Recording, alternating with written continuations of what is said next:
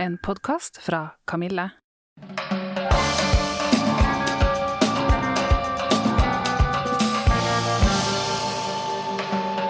Hei, jeg heter Dora Thoralsdottir. Jeg er 48 år, og det er like før overgangsalderen starter for fullt. Sammen med Kamille har vi laget denne podkastserien fordi vi vet så lite om denne perioden av livet. Vi snakker med kvinner som er midt i overgangsalderen, og ikke minst eksperter på området. Fordi vi trenger å snakke om overgangsalderen, og nå begynner vi. Hei, Marianne! Hjertelig velkommen til podkasten. Du er jo allmennlege. Du er legen vår, eksperten. Eh, kan du begynne med å fortelle hva er overgangsalderen, med dine ord? Åh, det må bare si aller først, det er så stas å være her, og det er så kult at dere har satt overgangsalderen på agendaen. Så jeg må Ja! takke for det aller først. Eh, overgangsalderen er den tiden rundt siste menstruasjon. Det er liksom sånn helt eh, Og siste menstruasjon, det kaller vi menopausen. Mm. Eh, og det er jo en tid som for noen kanskje bare for, glir forbi i stillhet, mens andre opplever det ganske utfordrende. Og det kan begynne lenge før menstruasjonen slutter. Eh, og Hvor det- lenge før da?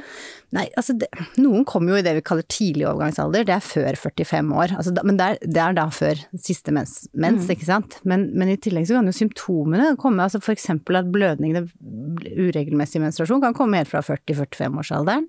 Hetetoktene kan også komme før siste mens er på plass. Så jeg tenker at vi skal begynne å være litt obs, kanskje ikke obs, for vi skal ikke gå rundt og grue oss til dette her, men kanskje at man kunne det kan være en idé å tenke litt på det og, og lære seg noe om det, er liksom det jeg tror kan være lurt, da. Fra vi er sånn eh, 45, kanskje. Det kan være en agenda. Kanskje liksom prate litt om det i venninnegjengen og få vekk litt sånn Om det er sånn vanskelig å snakke om hvis man allerede har snakket om det før man er der. Sånn er det jo med prevensjonsveiledning. Eh, Nei, unnskyld, ikke prevensjonsveiledning. Når, eh, når de skal snakke om puberteten på skolen. Ja. Helsesykepleier kommer ikke inn når alle sitter der med alle kvisene på og alle hormonene. De kommer inn litt i forkant, ikke sant. Så, hvor man er litt sånn tilsnakkende eh, om dette her. Eh, og det tror jeg er litt sånn med overgangsalderen nå, at vi har en eller annen grunn så er det ingen Det er ikke vanlig i hvert fall at man leser seg veldig opp på det før man er der. Og jeg mener kanskje ikke at man skal lese seg sånn masse opp, men ha litt sånn litt forhold til hva det er. Hva er grunnen til at det er sånn? At det er ikke snakket om å Vi har ikke noen helsesykepleier som kommer inn og snakker om dette når vi er 40. Ja, nei, det er vel det, det er jo utgangspunktet. Helsesykepleier er vel at det er ikke noen arena. Ikke hvis vi skulle gjort det på alle arbeidsplasser, så ville det vært litt sånn rart. Så da måtte man eventuelt invitert alle 40-åringer eller 45-åringer inn på helsestasjonen igjen. Eh, og det kan jo hende man skulle gjøre, men det er det ingen som har tenkt at vi skal gjøre enda. Eh, man kalles heller ikke inn til legen for, for en sånn type Det er jo en naturlig livsfase, så vi skal jo ikke sykeliggjøre den heller. Så her er det en sånn veldig sånn balansegang på det å kanskje være litt forberedt uten å begynne å tenke på det som noe sykdom og begynne å grue seg også. Um, ja. Så det, det er vel kanskje litt av grunnen til at eh, vi ikke informeres. Og så at vi ikke snakker om det, at vi ikke går inn i det, tror jeg handler rett og slett om noe så enkelt som at dette her er et tegn på at vi blir eldre. Ja. Ja, og det, og det vil vi jo ikke.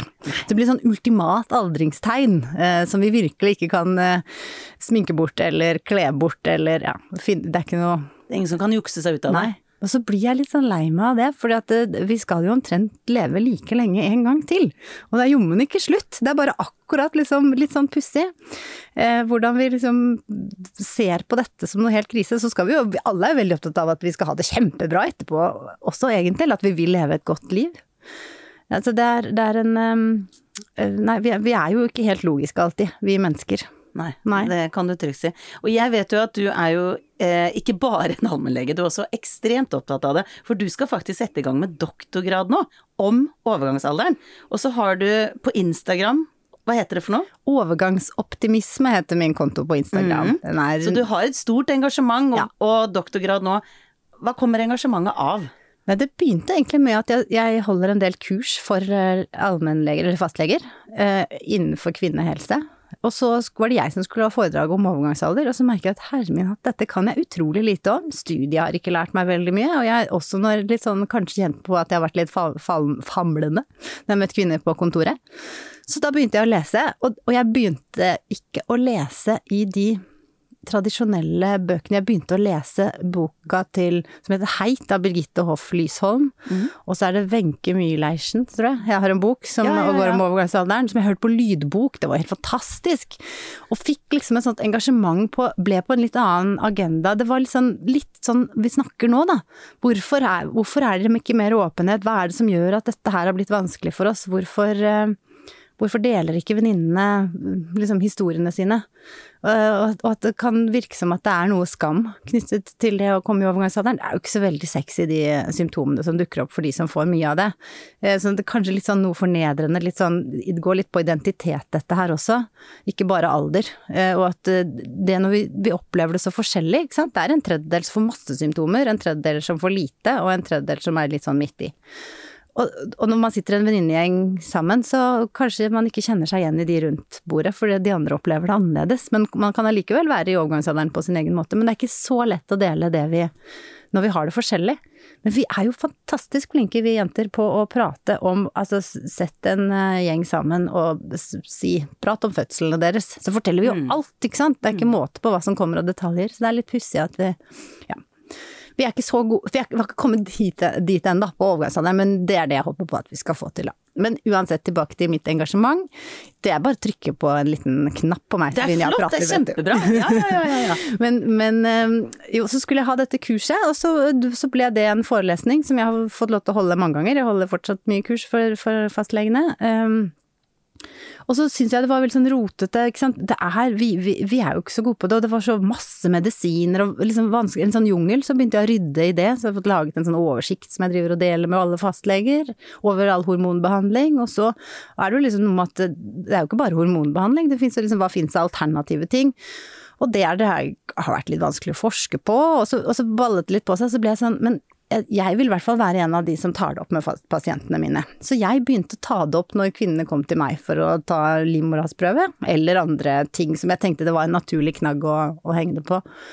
Og da, da var det jo noen som ble litt fornærma. Ikke sånn inni sjela fornærma, jeg kjenner dem jo, men jeg, jeg ble litt sånn ehm, Ja, det er da lenge til, sier de. Det, Trenger vi snakke om det nå? Og så sier jeg nei, vi må ikke, men, men jeg vet jo, kjenner jo deg, du pleier jo å forberede deg til ting. Da du var gravid, så vet jeg at du gjorde, leste sånn og sånn, eller du, ja, du, du fulgte opp og Ja, nei, det var litt sant. Så de fleste er liksom med på en sånn en sånn uh, tanke om at det kan være litt lurt, da. Men det er jo, de er jo veldig, mennesker er jo veldig høflige. Så jeg tror noen av de kanskje bare hørte på meg fordi at jeg er jo legen deres. Eh, Men, men sånn at det jeg nå har lyst til har, Engasjementet har vokst da på denne måten. Og i doktorgradsprosjektet mitt så har jeg lyst til å For vi vet, det er masse studier som vet at det er ønske om mer informasjon om overgangsalderen. Og det er ønske om god informasjon, for man kan bli litt forvirra. Man får vite noe et sted og noe et annet sted. Eh, Og i Norge har vi ingen sånn offisiell nettside hvor alt, eh, hvor, hvor alt er riktig og vi vet det står ordentlig. Og det er ikke sikkert vi skal ha altså Nå prøver ikke jeg å forutsi hva resultatene mine blir, men akkurat det tenker jeg kunne være nyttig, helt uavhengig av studien min, da. Men, men det, en ting er å vite at det er behov for mer informasjon, men når vet vi ikke noe om, og egentlig ikke hvordan heller. Så det, det er informasjonsbehovet rundt overgangsalderen, og hvilken rolle fastlegen også kan ha i dette, som jeg skal prøve å finne ut av da både med spørreskjema og snakke med kvinner, og snakke med fastleger. Og se om vi- jeg har ikke tenkt å Eller jeg tror ikke vi kommer med en sånn mal og sier ja, nå må vi gjøre akkurat det. Kommer ikke til å bli en retningslinje. Men at det kanskje kunne vært Jeg syns det hadde vært veldig stas å kunne si, stå på kurs og si til fastlegen at vet dere hva, nå har jeg snakket med mange kvinner, vi har forsket på dette. Vi vet at dette her er det de ønsker seg. Mm. For det er jo ikke meningen å tråkke kvinnene på tærne. Ikke sant? Altså, vi syns det er så veldig lurt at du må vite om dette når du er 45, men hvis hun ikke er klar, så tror jeg ikke den informasjonen fester seg allikevel. Så det er en sånn balansegang, da. Hvordan skal vi møte dette? Ja, for jeg vet at det du brenner veldig for, er at ikke alle kvinner må gå til gynekolog for å finne ut om de er i overgangsalder, eller for å få informasjon, men at du vil gjerne at det er fastlegen som er den de snakker med. Ja, Stemmer ikke det? At det er der engasjementet ditt er veldig stort. Ja, der også, fordi jeg, jeg Og det gjelder faktisk ikke bare overgangsalderen, det er herlig også livmorhalsprøver og spiraler, ikke sant. Alt. Det er noe med at vi er veldig mange kvinner i dette landet, og så er det en del gynekologer. Og de er en kjempeviktig ressurs for oss. Og hvis vi skal gjøre helt normale, altså sånne enkle ting som fastlegen kan gjøre på, hos gynekologen, så er gynekologene har de lange ventelister når det virkelig brenner, og det er andre ting som haster mer, da.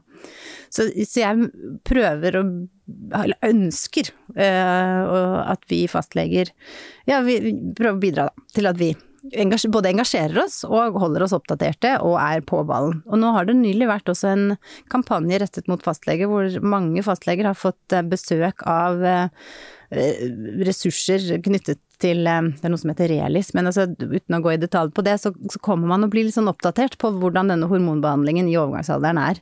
Så det, jeg, jeg, tror det, dette her vi, vi, blir bedre og bedre på det. Og så tror jeg det er en generasjon kvinner nå som det var som, som, tenker litt mer eh, som krever, kanskje krever litt mer av oss i dette her, da. Eh, det var jo en stund hvor det nesten ikke var noe vits å gå til fastlegen med overgangsalderplager fordi at hormoner ble ansett som så farlig.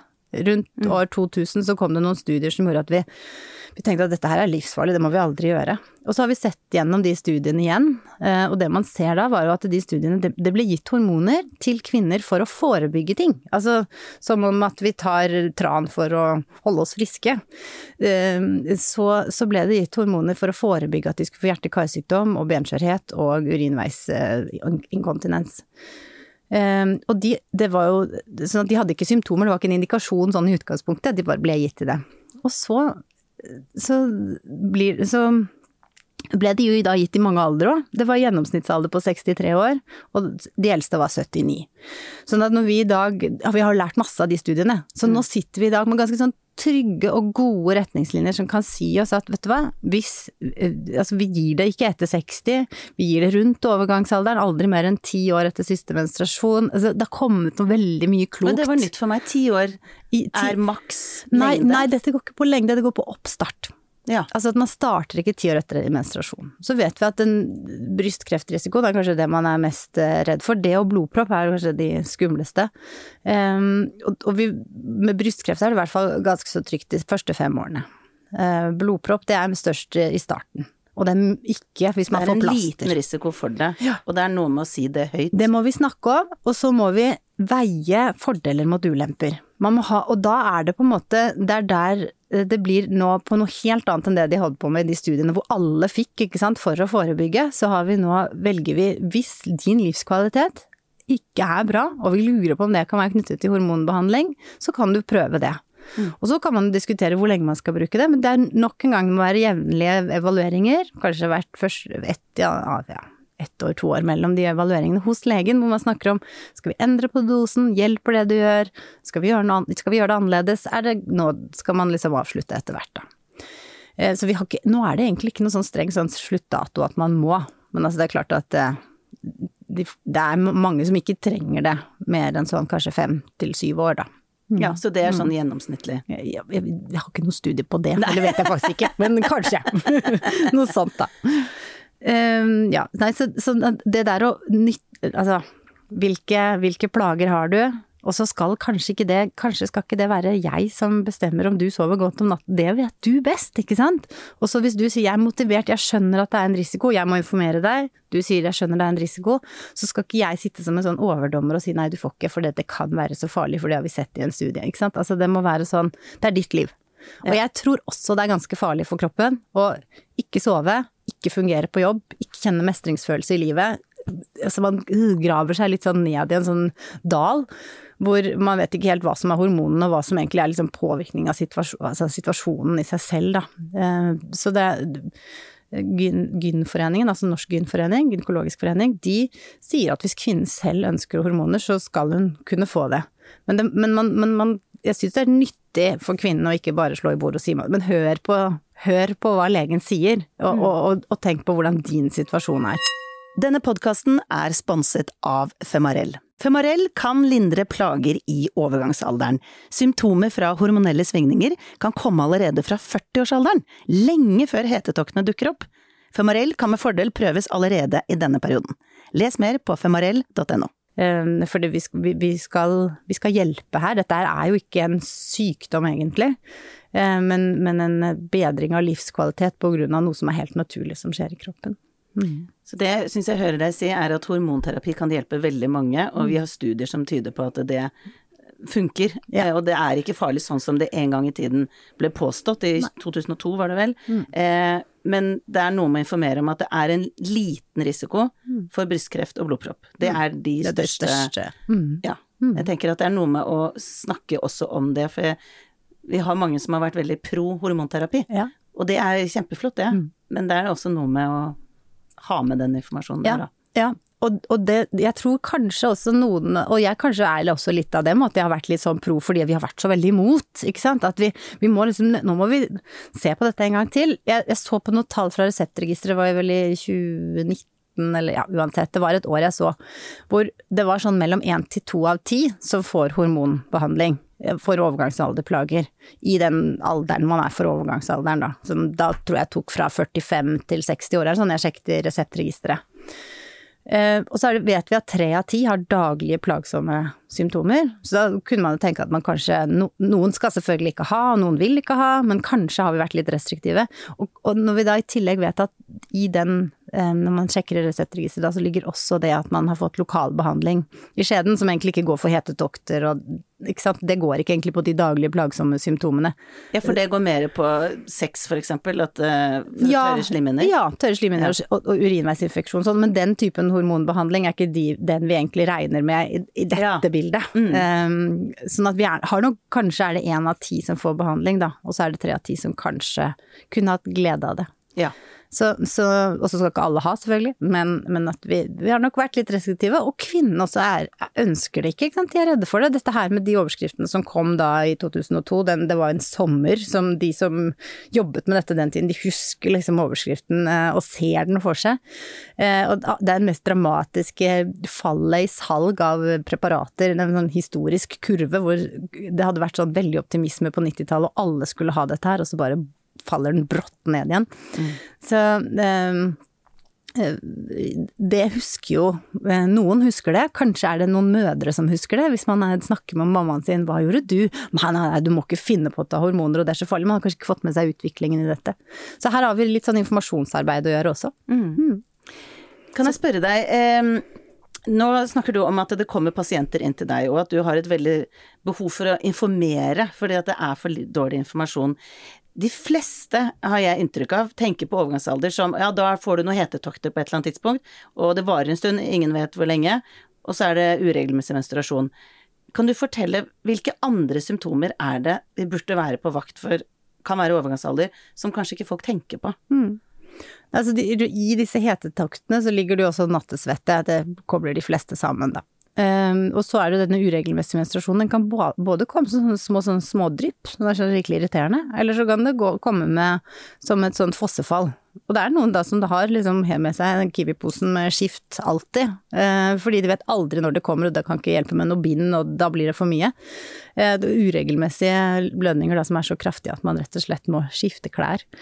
Eh, og så er det jo dette med Altså, det er Dette med humør, og hvordan liksom det påvirkes, det er eh, forsket på. Og diagnosen eh, depresjon setter vi ikke oftere i overgangsalderen enn ellers. Um, men, men det at man ikke kjenner seg helt selv igjen, det er en vanlig altså litt sånn humørlabilitet, hvor ikke, hvor ikke man kan kalle det depresjon, ikke sant, men man er ikke helt Og, og det er ofte en sånn, sånt uttrykk som mange sier at jeg er ikke helt meg selv. Ja, det er er et eller annet der. ja. Ja. og litt sånn hukommelsesforstyrrelser og litt sånn hjernetåke, og, og man er liksom ikke helt på plass. Um, kanskje var det litt sånn det var i puberteten nå, da liksom ting starta. Og litt sånn, kanskje litt som noen vil kjenne igjen som sånn mer ekstrem PMS. Altså at det er det man assosierer det med fordi man kjenner det fra før, da. Eh, Og det har, jeg litt, det har jeg stor respekt for. Jeg tenker det er en veldig viktig del av, av livet vårt, hvordan vi har det med oss selv og hvordan vi ja, Altså det der å hele tiden Hvis du eksploderer hver gang noen som sier noe til deg, så bli- gjør det noe med omgivelsene og hvordan andre forholder seg til deg, som igjen Det blir liksom vonde sirkler. Ehm, ja, litt sånn snappy og irritabel og sånn, det er jo også en del av det. Så er det jo noen som Vi har jo disse østrogenreseptorene, altså alle symptomene kommer jo fordi østrogennivået faller, og vi har jo østrogenreseptorer i hele kroppen, så noen beskriver leddsmerter. Um, Altså underlivet også, dette her med tørre slimhinner, og det, det, det, kan komme på ymse tidspunkter, det altså. Så, eller tidlig òg, men det er liksom noe som ikke går over. Det må vi leve med, disse tørre slimhinnene. Og alle? Ja, fordi det østrogennivået øker jo ikke igjen. Nei, ikke, ikke alle, altså, men de som har plager med det. Det er, ja. sånn, det er som regel ikke sånn som Hetetoktene gir seg jo. Men, ja, så de som har tørre slimhinner i overgangsalderen, de må regne med at de har det resten av livet? Hva kan de gjøre for at det blir bedre. Jeg vet ikke om jeg ville sagt det akkurat sånn, for det kan vel være litt sånn forskjellige ting som påvirker ting. Men, men i hvert fall, det å ha tørre slimhinner kan vare hele livet. Og det, der tenker jeg det fins forskjellige ting. Lokal, lokalbehandling, både med østrogener og andre ting. Som, er, det viktigste. I pilleform? I pilleform som man setter inn lokalt. Og det er en veldig lite risikofylt eh, behandling, som er viktig for veldig mange kvinner. Har man hyppige urinveisinfeksjoner f.eks., så kan det være fordi at det, det, blir rett og slett sånne små sprekker og tørt der, og bakteriene fester seg bedre, og da kryper de også frem ikke sant, mot urin, urinrøret og, og, og, gir urinveisinfeksjoner. Og da kan du ta de kapslene, eller hva det er, mm. eh, som du tar inn, og hvor ofte gjør du det? Jeg, jeg, har ikke peiling på dette, så jeg må nei, bare spørre. Nei, men det er bra. Eh, en av de variantene er sånn at man da booster eh, slimhinnene, hvor man tar én eh, tablett i skjeden eh, hver dag i 14 dager. Og så tar du det, eller om kvelden, da. Og så videre så tar du det to kvelder i uken. Så man kan, ja. man er ikke noe sånn det er ikke oppsatt der nede. Man kan da fint ha sex og sånn de andre dagene, men kanskje ikke ha det den dagen man satt inn tabletten, da. Ja. Og det er jo en sånn Dette her med sexlivet også er det jo mange som kjenner litt på når de kommer i overgangsalderen og lurer på hvordan skal det gå og ikke gå og sånn. Og jeg tenker det, det sies godt av andre enn meg. Use it or lose it, er det noen som har sagt. Altså, det, jeg tror dette går på mye mer enn det å være i overgangsalderen. Det går litt på hvordan vi tenker om oss selv og kroppen vår, og hva vi ønsker, og hvordan vi klarer å kommunisere med partneren vår. Og det er en fantastisk forsker i Danmark som heter Lotte Was og hun har jo snakket med mange kvinner som virkelig liksom sier at åh, men jeg er mer moden. Jeg, jeg, en, hun, hun beskriver, jeg syns det er så fint, hun snakker om fri, disse kvinnene hun har snakket med, snakker om frihet til. Det er frihet til å gjøre det du vil, frihet til å liksom skjønne hva du liker, og klare å liksom si fra. Og så er det frihet fra at man ikke lenger har menstruasjonssmerter smerter og alt det som ligger i en syklus, og frihet fra å liksom, kanskje prevensjonsmidler, og at man eh, har frihet fra å være redd for å være gravid, og kanskje også frihet fra å ha noen rundt deg hele tiden. Plutselig har du litt mer fritid, eller dagene er litt annerledes og litt sånn barnefri på andre tider av døgnet, hvor man kanskje lysten er vel så stor som når man øh, endelig lander på puten. Ja. ja. Det, det du sier er at sexlivet kan ha en veldig opptur også i overgangsalderen? Ja. Absolutt. Jeg tror det handler mer om hvem vi er som mennesker, enn kanskje bare hvilke hormoner som suser rundt. Men, men det er sant, og det sier Det er også sånn at man kan oppleve mindre sexlyst, og da kan hormonbehandling også hjelpe for det, da. Men etter at La oss si at du går fem år på hormonterapi, og du har hatt nedsatt sexlyst. Er det vanlig å få lyst på sex igjen etter det? At eh, når overgangsalderen er på en måte ferdig, så blomstrer det opp igjen, eller er det egentlig treng, Hvor mye trenger vi å forberede oss på hva som skjer etter overgangsalderen av endringer? Hvor mye vedvarer? Det er, jeg syns det er litt sånn diffust. Sånn, ja. ja. dette med sexlyst, det, det, handler nok om uh, flere ting. Men, men uh, og, og, og, hvis du går på hormonbehandling, så får du også litt hjelp mot uh, sexlysten. Altså østrogener hjelper også for det, og noen velger også å få testosteron. Men, men jeg hvordan vi skal forberede oss på hva som skjer etterpå. Altså det, som, det, er noen studier som viser at det er veldig mange voksne, godt voksne mennesker som har mye sex, og det viktigste de fant frem, den viktigste grunnen til at man hadde sex eller ikke hadde sex, det var om man hadde en partner eller ikke. Så, eller, ja. må ha noen å ha sex med, på en måte. Ja. ja. Eh, eller en andre måter å gjøre det på, det vet jeg ikke om den studien tok, eh, tok med. Om, man liksom, om de spurte om onanering og sånn, det vet jeg ikke. Men, men jeg, men jeg, jeg syns du hadde et vanskelig spørsmål om hvordan vi skal forberede oss på det. For nå har jeg kanskje hatt jeg, I mitt hode har jeg veldig fokus på selve overgangsalderen, men det er klart at det er de viktige årene etterpå skal vi også forberede oss på. Um, men jeg skjønner at det varierer jo så mye, så ja, det, det, er så vanskelig det. å si. Ja, jeg tror det er litt svare. Og det er det som er at tenårene er litt lettere, fordi det som skjer er sånn og sånn. Mm. Det er veldig fasit, mm. mens overgangsalderen er mye mer sånn flytende. Mm. Eh, men jeg, jeg, jeg syns det var veldig kult uttrykk, eh, use it or lose it. Mm.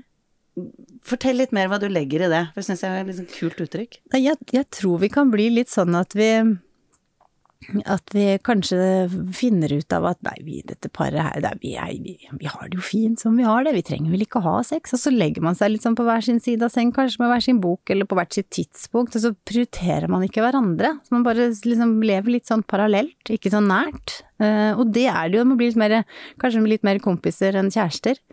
Um, og det skal ikke jeg sånn, det er veldig, veldig lov, men man bare man er litt sånn klar over hva man driver med, da, og kanskje en gang ta et skritt tilbake og se på hva som er med oss nå, hvordan vil vi ha det? Um, ja, jeg, jeg når, noen, når jeg tar livmorhalsprøver som fastlege, så så har jeg ofte brukt den som en sånn knaggrekke på å spørre om litt forskjellige ting. Og da spør jeg ofte om, ikke sant, trenger de forhold til om det er nødvendig med prevensjon, og så snakker vi litt om uh, urinlekkasje, og så spør jeg om det er vondt å ha samleie, eller om det er du blør du etter samleie, det er jo litt sånne ting vi er opptatt av i forhold til om det er noe med underlivet. Og da må jeg også spørre, ja, og de fleste, svarer, de fleste svarer jo nei, for man har jo ofte ikke så mye plager. Men når jeg da, så, så, har jeg tatt meg selv noen ganger ut og her må jeg faktisk spørre, har du samleie? Nei, sier hun da. Ikke sant? Ja. Altså, ikke sant? Så hun svarer ikke nei, jeg har ikke vondt eller det blør ikke, for det vet jeg ikke, for jeg har ikke hatt det på kjempelenge. Det er ikke alle som sier det høyt. Og noen ganger har jeg da opplevd at det er rett og slett et litt sårt tema, og at det er noe enten at hun savner det, eller at han savner det, men at det er uttrykt fra den ene parten, da, og det er sårt samme om du vil og ikke får, eller om du ikke vil, men det kreves av deg. Så det å ja, i hvert fall tenke litt over hvordan vil vi ha det sammen, og det går litt på use it og lose it, altså for jeg tror man kan liksom skli litt fra hverandre på det der, og allikevel ha det fint, men at noen, at man kanskje, er, vi vet jo at det med nærhet er viktig i et eh, parforhold. Mm. Mm. Men så er det vel sånn også at menn har jo på en måte sin overgangsalder ved at mm. de det er vel mer en sånn aldringsprosess, og da går det også nedsatt sexlyst og, mm ofte potensproblemer og, og diverse. Mm. Kan du si noe om menn sin overgangsalder? Jeg kan ikke så veldig mye om den, uh, og det er jo litt sånn uh, Burde jeg sikkert, men jeg har fokusert litt på damene foreløpig, jeg da. Men, men, men, det jeg har lest en gang som jeg syns var litt interessant, er at menn kan bedre veldig mye av det de kjenner på i forhold til det med fysisk aktivitet. Og det syns jeg bare var en sånn fantastisk ting som jeg syns er viktig å få formidlet ut. At uh, det vet vi at alle, at fysisk aktivitet kan gjøre mye godt, da. Men, men at det er en viktig del, kanskje, ikke sant. Det, det, gjør jo noe med de andre hormonene i kroppen når vi er fysisk aktive, og det tror jeg er viktig for oss jenter òg. Altså de mm. endorfinene vi kjenner på etter en treningsøkt. Vi har, føler oss mer vel, og kanskje får man liksom snudd noe av det som er litt negativt, og så kanskje er det mer lyst der bare fordi man kjenner at man har det litt bedre med seg selv, da. Mm. Ja, hva kan Hvis man ja, velger å ikke bruke hormonterapi, eller eventuelt også bruker det, men er det andre ting man kan gjøre for å ha det bedre i overgangsalderen? Ja, det er noe, en del forskning som um, viser at det å liksom ha det bra med seg selv i livet, gjør at man takler overgangsalderen bedre. Det er jo kanskje ikke så veldig rart. Altså det, sånn er det jo med det meste. Får du en ekstra belastning i livet, så takler du den bedre hvis du hadde det bra i utgangspunktet. Mm. Um, så, så det, men, men, og hvordan får man det bra med seg selv i livet, det er jo mange Det er en helt Det er en ny podkast. men det å liksom være litt klar over hva man liker, og få hvilt nok og spist nok, og sånn helt sånn fysiolog Altså at man er med mennesker man liker, og har positiv egentid for seg selv, og så, det er en viktig del av det, tror jeg, å ha det bra med seg selv. Da. Sove nok og hvile nok og prioritere det. Og det er jo ofte litt utfordret, da, hvis nattesvetten og hetetokten er, er veldig på plass der. Eh, og så er det eh, meg bekjent, i hvert fall. Jeg har ikke funnet, lest noen studier, men, men det, det, snakkes om yoga, det snakkes om eh, trening, det snakkes Altså mange ting der som, som ikke Altså det er noen ting som kan være litt sånn vanskelig å få studert ordentlig også. Mm. Um, men, at, men, at, det kan være en del av det å få det, det bra, og at, at, trening er viktig. Kjempe, helt, helt, helt, helt sikkert. Ja, viktig ja. for alt, tenker jeg. Det er også, ikke sant, det der når, når østrogennivået faller, så får vi jo øh, det øker jo risikoen for benskjørhet. Styrketrening, det er liksom det alle Det må vi begynne med, altså. 40 pluss, ikke noen tvil. Nå må vi begynne. Jeg òg. Sier til meg selv hver dag nå må jeg begynne. syns det er så kjedelig. Men vi burde gjøre mer av det. Så ja. Og så er det noen, noen som har studert på at kognitiv terapi hjelper. Um, kognitiv terapi går jo, for meg så er det litt sånn sunn fornuft satt i system. Kjempebra terapiform for å jobbe med tanker og følelser. For de som ikke vet hva kognitiv terapi er, kan du bare si det? Ja, ja det er litt sånn sunn fornuft satt i system. Eh, hvor man, Snakke om man hvordan man har snakker, det. ja, snakker Ja. om hvordan man har det, og ser liksom på tankene sine, og prøver å liksom tenke litt annerledes og reflektere og sortere litt på en Ja, det er en terapiform, da. Men det er klart at vi kan jo ikke sende alle kvinner som syns overgangsalderen er litt heftig, til kognitiv Nei, nei, det var mer sånn bare ting man kan gjøre, og Ja. Summen av det høres ut som å være snill med seg selv, og gjøre de tingene vi egentlig alle vet er bra for oss. Ja. Høres ut som. Ja, helt klart. Så Men man- eh, når du sier at du ikke er så god til å alltid få til trening så ofte som du kanskje ønsker Mm. selv, kan jeg spørre deg hvor gammel du er, og hvor du selv er i forhold til overgangsalderen? Har du Ja. merka noen symptomer? Jeg må alltid tenke hvor gammel jeg er, men jeg er 44. um, nei, jeg har ikke merket noe selv. Jeg har ikke det. Og um, det plutselig kastes det på meg, så det blir veldig spennende. Jeg, jeg kan være så personlig kanskje å si det at jeg har en hormonspiral. Uh, og jeg liksom begynner å forberede meg litt. Jeg syns det er veldig fint å ikke skulle ha de der blødningene som kommer og går, så jeg er liksom litt sånn forberedt der.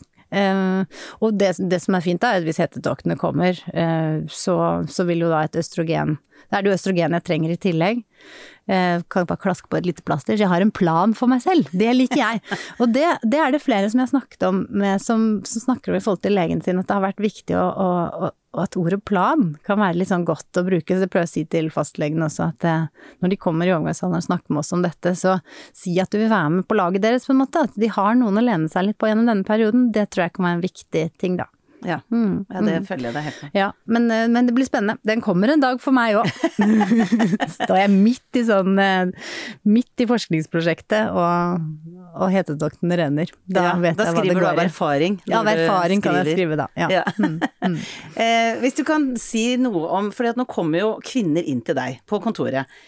Kan du si noe om hva er det mest typiske de kommer inn med, hva er det mest vanlige, hva, hvilke problemstillinger er det når vi snakker om overgangsalder, da? Mm. Eh, når kommer de inn, og hva er det de lurer på, og hvor er de i løypa, og hva spør de om, og jeg bare lurer på hvem er den, disse kvinnene som kommer?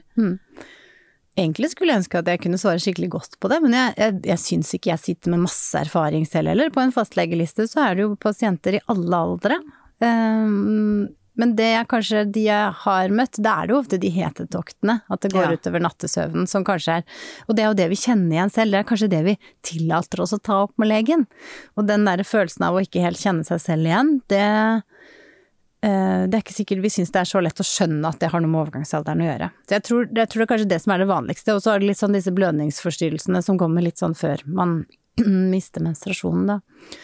Eh, Jeg, jeg tror også kanskje at jeg før jeg var så obs på det selv, eh, kan ha vært med på å, å, sykemelde kvinner rundt overgangsalderen som har det tøft, og så har vi tenkt at det var livet, mer enn hormon Ikke tenkt på at kanskje hormonbehandling kunne hjulpet, eh, det er ikke sikkert jeg hadde det heller, men liksom tenkt i ettertid at det, den kunnskapen jeg nå sitter med, er viktig, da. Og sånn er, sånn er det jo med alt. Altså, vi, vi lærer av alt vi driver med, eh, og vi blir bedre i jobben vår ettersom vi holder på. Stort sett. Heldigvis. Ja, for jeg leste også at uh, vi har det der uttrykket 'empty nest syndrome'.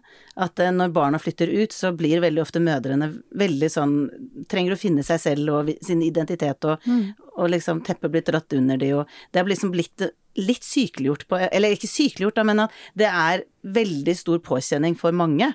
Eh, mens nå, i hvert fall det jeg har lest, er at Men hallo, overgangsalderen skjer jo faktisk veldig ofte på den tiden barn flytter ut. Kanskje det er mer overgangsalder og en nedstemthet enn at det faktisk handler om Altså det, selvfølgelig, det er trist for mange at barna flytter ut, men kanskje det er rett og slett overgangsalderen. At det er mye som skjer som vi har putta på livet, som du sier, mer enn at det er kanskje en naturlig del av livet der hvor du er mer nedstemt, og så blir mye annet kobla til. Ja, ikke sant. Det blir enda en utfordring. Det blir litt mange ting oppå hverandre, da. Mm.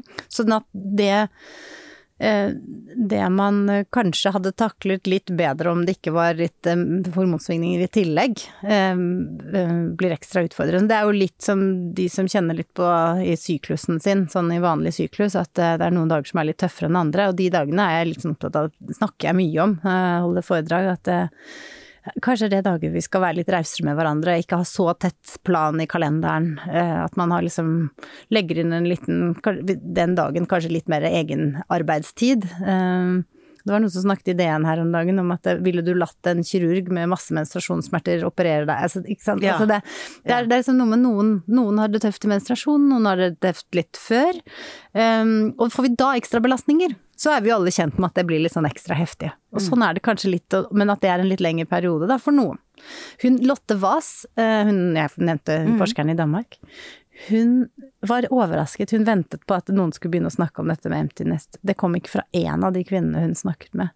Å ja. Ja, så det, men det er, jeg har jo hørt det såpass mange ganger også fra både venninner og pasienter og bekjente at jeg tenker at det, det var kanskje litt tilfeldig. Når man gjør sånn forskning som både hun gjorde, og som jeg delvis også skal gjøre, hvor vi kaller det kvalitativ forskning og snakker med kvinner, så kan vi jo ikke si at dette er sånn det var for hele verden. Vi kan si sånn, dette var sånn det var for de kvinnene vi snakket med i denne studien. Hvor mange er det du skal snakke med nå i denne studien? Nei, det er litt eh, Det er vi ikke helt bestemt ennå. Jeg begynner med en spørreundersøkelse. Og da, da har vi spørreskjema, prøver å få ut så mange vi vil på legekontorer. Er Studentene på medisinstudiet i Oslo skal hjelpe meg med dette. Kjempekult prosjekt. Eh, og så skal jeg snakke med kvinner som er i overgangsalderen. Og, da tror vi kanskje at ti vil være bra. Men jeg må se litt hvordan praten går og hvordan det blir. Mm. Så spennende. Så da om noen år, mm. da er du ferdig. Da forhåpentligvis er dette blitt en serie hvor du kommer tilbake igjen med resultatene av eh, studiet. Eh, og før vi avslutter, så har jeg bare lyst til å si, er det noe du har lyst til å si om overgangsalderen som du ikke har fått sagt ennå? Er det noe du vil benytte anledningen til å si til de kvinnene som hører på, som kanskje er rett før og lurer på hva de har i vente? Ja, jeg tenker at denne podkasten er så fint, akkurat som jeg syns at en bok er fin, at kan, eller at du har vært hos legen er fin. Bruk noe annet å skylde på og si vet du hva, jeg hørte på en podkast i dag i venninnegjengen. De, der sa de sånn og sånn, har dere hørt noe på Altså at man begynner liksom, bruk noe annet som et utgangspunkt for å ta det opp, hvis det er vanskelig å ta det opp. Og så skal ikke jeg si at det er det. Eh, For noen syns det er kjempeenkelt å prate om dette her. Men, men det der å, å snakke mer om overgangsalderen, også om du ikke har plager, spør, vær nysgjerrig på kvinnene rundt deg i livet ditt, og, for det lager åpenhet, og kanskje hjelper du en som syns det er vanskelig å snakke om det hvis du tar det opp. Marianne Nattvik, det har vært så hyggelig å snakke med deg. Tusen takk for at du kom, og lykke til, med doktorgrad og overgangsoptimisme, som du også driver med. Tusen, tusen takk for meg, og takk for at dere gjør dette. Dette her er en stor del av det å få åpenhet rundt overgangsalderen. Ja, det trenger vi. Tusen takk.